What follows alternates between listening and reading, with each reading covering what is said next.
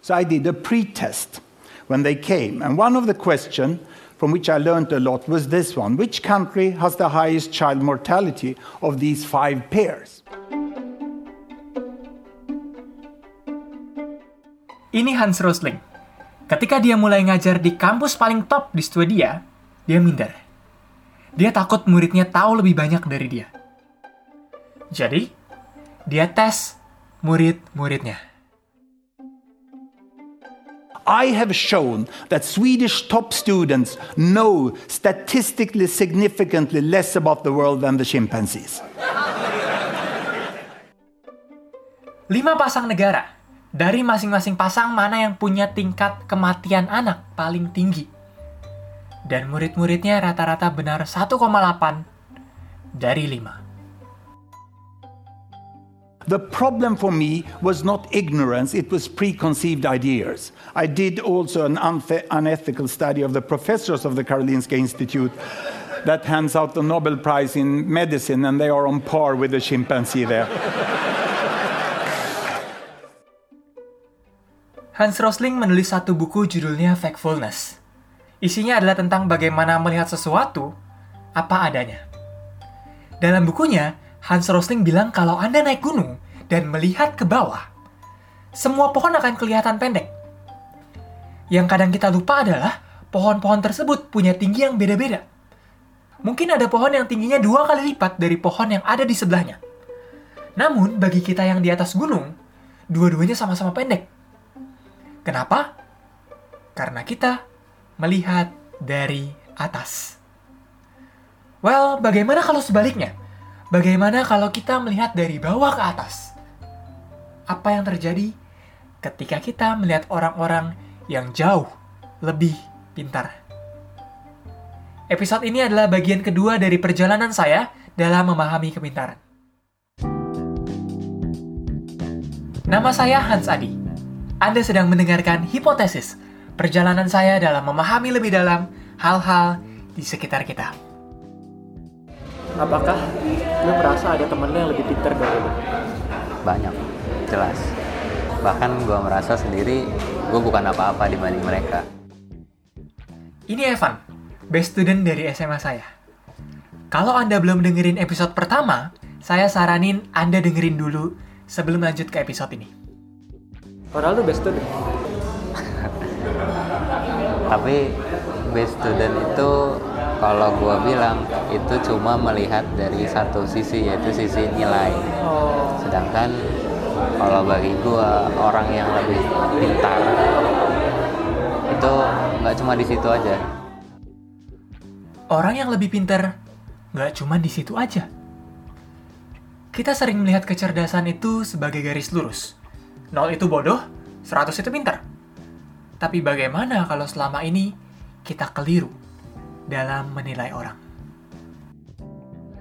concept I will never understand. I don't think there, there are any. Ini Bumi. Bahasa Indonesia dia nggak gitu bagus, jadi saya wawancara dia pakai bahasa Inggris. By the way, I'm sorry that my English is not that good, and I also apologize for the recording quality. Kalau Anda tes IQ, Anda akan dikelompokkan berdasarkan hasil tes Anda. IQ orang normal itu berkisar di 90 sampai 109. Kalau IQ Anda 110 sampai 119, itu artinya Anda superior. 120 sampai 129 highly superior. 130 ke atas gifted. What is your IQ? Do you remember? Last time I got it officially, it was like 136 or something. 136. Yes. 136. Itu yang official. Apa bedanya orang dengan IQ 136 dengan orang biasa? Who is the smartest person you can ever think of? I don't know. I don't like. I don't. I don't like to rank people by intelligence Why? because intelligence isn't a line. Intelligence is a, it's like a spectrum. It's a three-dimensional plane. Because people can be intelligent in all kinds of different ways, and there's no real who's the smartest person. There's no real smartest person. It's all subjective because some people can be smart by being creative. Some people can be smart by being funny. Some people can be smart by being very social. Some people can be smart by, you know, by the general terms, academically, you know. But yeah, it's all just a bunch of, you know, it's a spectrum. It's not really fair to judge anyone as smartest. It's a spectrum. Selama ini kita menilai kecerdasan dengan skala 0 sampai 100, which is dua dimensi. Nyatanya, kecerdasan itu multidimensi. Ada orang yang bisa cerdas dengan jadi kreatif, dengan jadi lucu, dengan mudah bergaul, dan seterusnya. Pada tahun 1983, Howard Gardner tulis satu buku yang jelasin tentang 8 kecerdasan. Linguistik, logis matematis, spasial, kinetik, musikal, interpersonal, intrapersonal, dan natural. Lalu belakangan ada yang bilang, kecerdasan itu nggak cuma 8, kecerdasan itu ada 9. Lalu ada yang bilang, tunggu, ternyata nggak cuma 9, ternyata ada 12 kecerdasan. Intinya dimensi kecerdasan makin lama makin banyak. Satu hal yang pasti, kecerdasan itu multidimensi. Di episode pertama kita bahas tentang kerja keras dan bakat, di mana bakat itu spesifik pada satu bidang. Sedangkan kerja keras bersifat universal. Terus, bagaimana dengan IQ? Uh, most of the time, I have stress headaches because I have too many thoughts in my head that I'm not doing at the moment. know. Tell me about how your mind works. Uh, I think my mind works a bit faster. Not that I'm saying that makes me smarter, but it works like a bit faster. Like I, Not smarter, faster. Pikiran bumi bergerak lebih cepat. Secepat apa? Saya kasih Anda gambaran. If I throw this to those people, what are the outcomes that are possibly oh, there are so many. First of all, First. I imagine it like an action movie. I, I throw it and they get angry and then we start fighting and like it's John Wick. Secondly, I throw it at the girl and then it becomes a romantic comedy.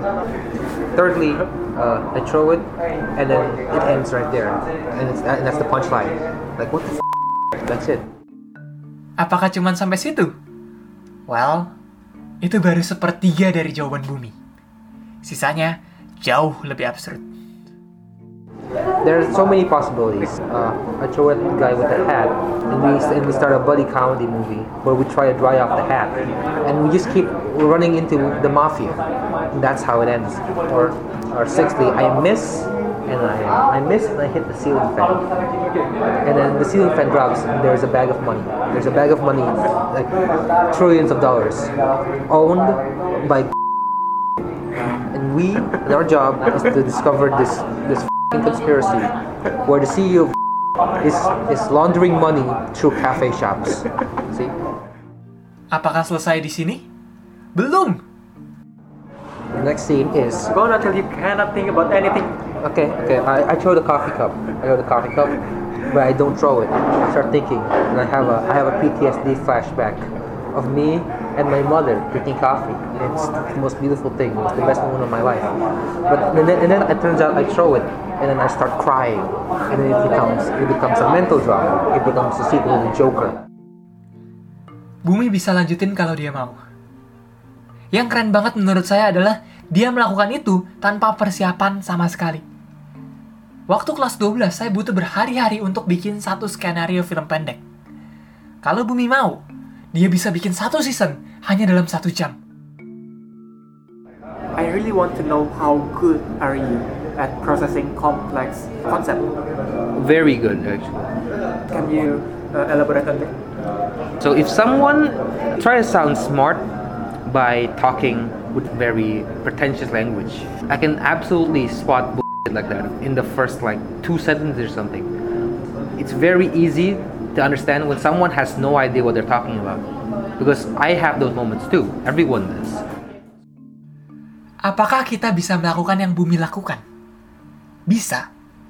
Cuman kita butuh waktu. Bumi bisa membedakannya hanya dalam hitungan detik. Kenapa? Karena dia memproses segala sesuatu dengan lebih cepat.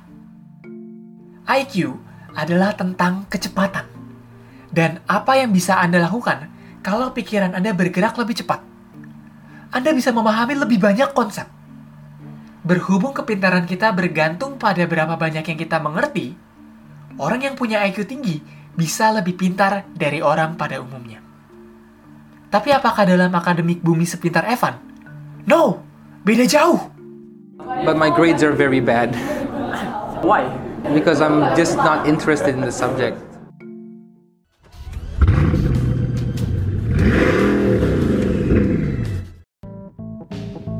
Ini Bugatti Chiron. Mesinnya 8000 cc, 1500 horsepower. Dan dalam kata lain, mobil ini adalah salah satu yang paling kencang di dunia. Sebagai pembanding, Airbus A380, pesawat komersial paling besar di dunia, lepas landas dengan kecepatan 290 km per jam. Berapa kecepatan maksimum Bugatti Chiron? 407 km per jam. Baru-baru ini saya ngobrol sama teman saya yang sama-sama suka mobil. Namanya Ivan.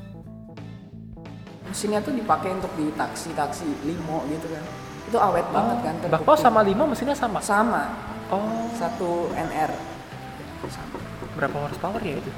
109 sih Kita sering ngobrol tentang mobil. Tapi ada satu hal yang bikin saya agak kaget. Kalau menurut lu nih, mobil yang paling gak banget deh. Hmm, kalau gue sendiri sih ya sport car kayak Porsche gitu gitu gitu gue jujur aja gue nggak eh, modelnya bagus cuman kalau untuk dimiliki walaupun misalnya ada duit gue juga nggak mau gitu soalnya kurang berfungsi ya di Jakarta itu cuma Apa masalah dengan mobil kencang? Satu, dia boros. Dua, mesinnya lebih cepat overheat. Tiga, rasanya frustasi ketika Anda sadar mobil Anda bisa lari 300 km per jam, tapi Anda terjebak macet di rush hour. Mesin yang cukup itu sebenarnya berapa horsepower sih? kalau menurut gue sih 150 horsepower aja udah cukup banget sih di Jakarta ya 150 horsepower aja udah 150 cukup sampai banget. 200 gitu itu udah, udah ideal lah 150 sampai 200 udah ideal. Most of the time Anda nggak butuh 1500 horsepower. Sebagai catatan, Toyota Avanza, mobil yang paling sering dipakai di Indonesia, cuman punya mesin 1329 cc dan tenaga 91 horsepower. Dan itu udah cukup untuk dibawa keliling Indonesia. Pikiran bumi dengan IQ 137 mungkin bisa bergerak secepat Ferrari. Tapi seringnya, untuk sampai ke tujuan, 91 horsepower aja udah cukup. I just have a lot of thoughts, and uh, it's tiring. It's not really all that beneficial of a thing. It's a beneficial thing when you have like passion. I'm just lucky I have the talent to back it up and create something.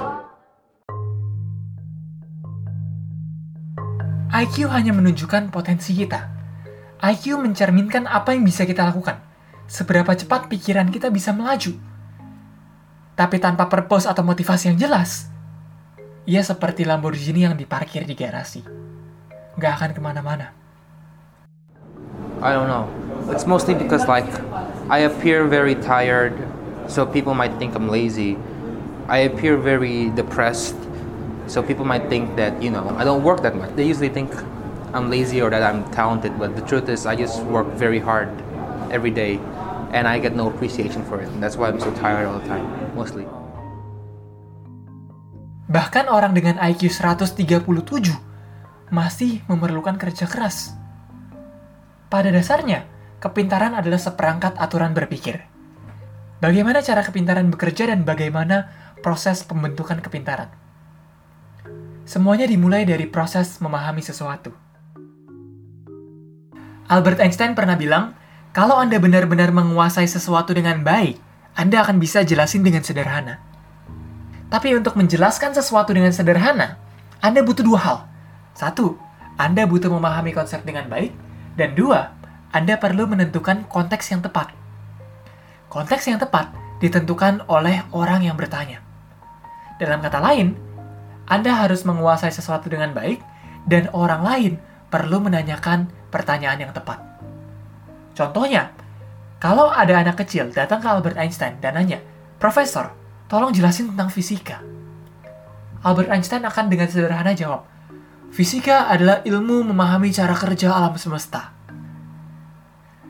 Namun, bila yang nanya adalah seorang mahasiswa S3, apakah Albert Einstein akan jawab, fisika adalah ilmu memahami cara kerja alam semesta? Ya kali, enggak lah. Yang dilakukan oleh Albert Einstein adalah dia akan minta mahasiswa tersebut bertanya dengan lebih spesifik. Moto yang mana? Moto apa? Misalnya, kalau ada orang yang dia nggak ngerti fisika sama sekali, Hmm. dia minta ajarin lu fisika. Lu akan mulai ngajarin dia dari mana? Jadi gue tipe orang yang lebih pasif sebenarnya sih. Jadi kayak gue tidak bisa memulai ini dari mana, tapi mereka yang memulai mereka mau dari mana dan ya udah dikasih pemicunya gitu lah. Evan bisa dengan mudah kasih jawaban yang sederhana, tapi dia butuh konteks untuk mulai menjelaskan. Kepintaran itu ibarat jaring laba-laba. Begitu banyak hal yang saling berhubungan satu sama lain. Coba bayangin satu bidang yang paling Anda kuasai. Ceritakan tentang hal itu. Maka Anda akan bingung mau mulai dari mana. Kenapa? Karena Anda tahu banyak sekali tentang hal itu. Gak mungkin Anda jelasin semuanya sekaligus. Perjalanan dalam menjadi pintar ibarat laba-laba yang sedang bikin jaring.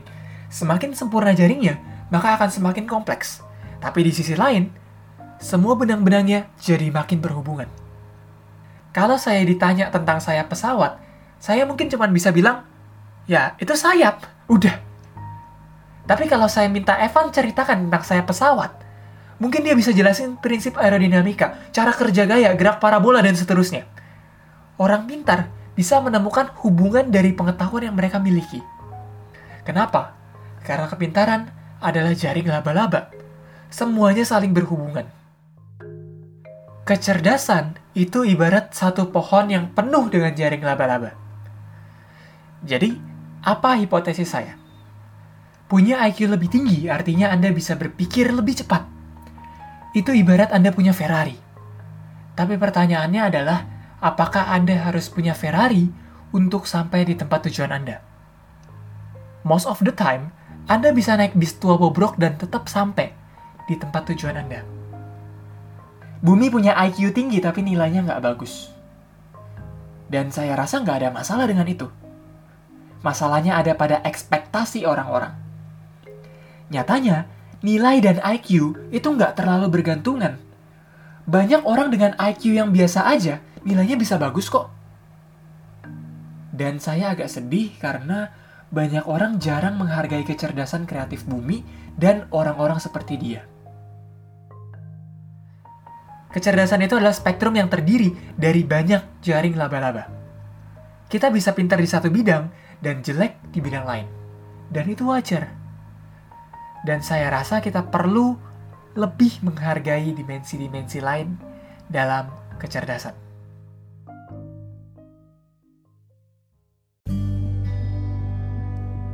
Anda baru saja mendengarkan hipotesis, perjalanan saya dalam memahami lebih dalam hal-hal di sekitar kita.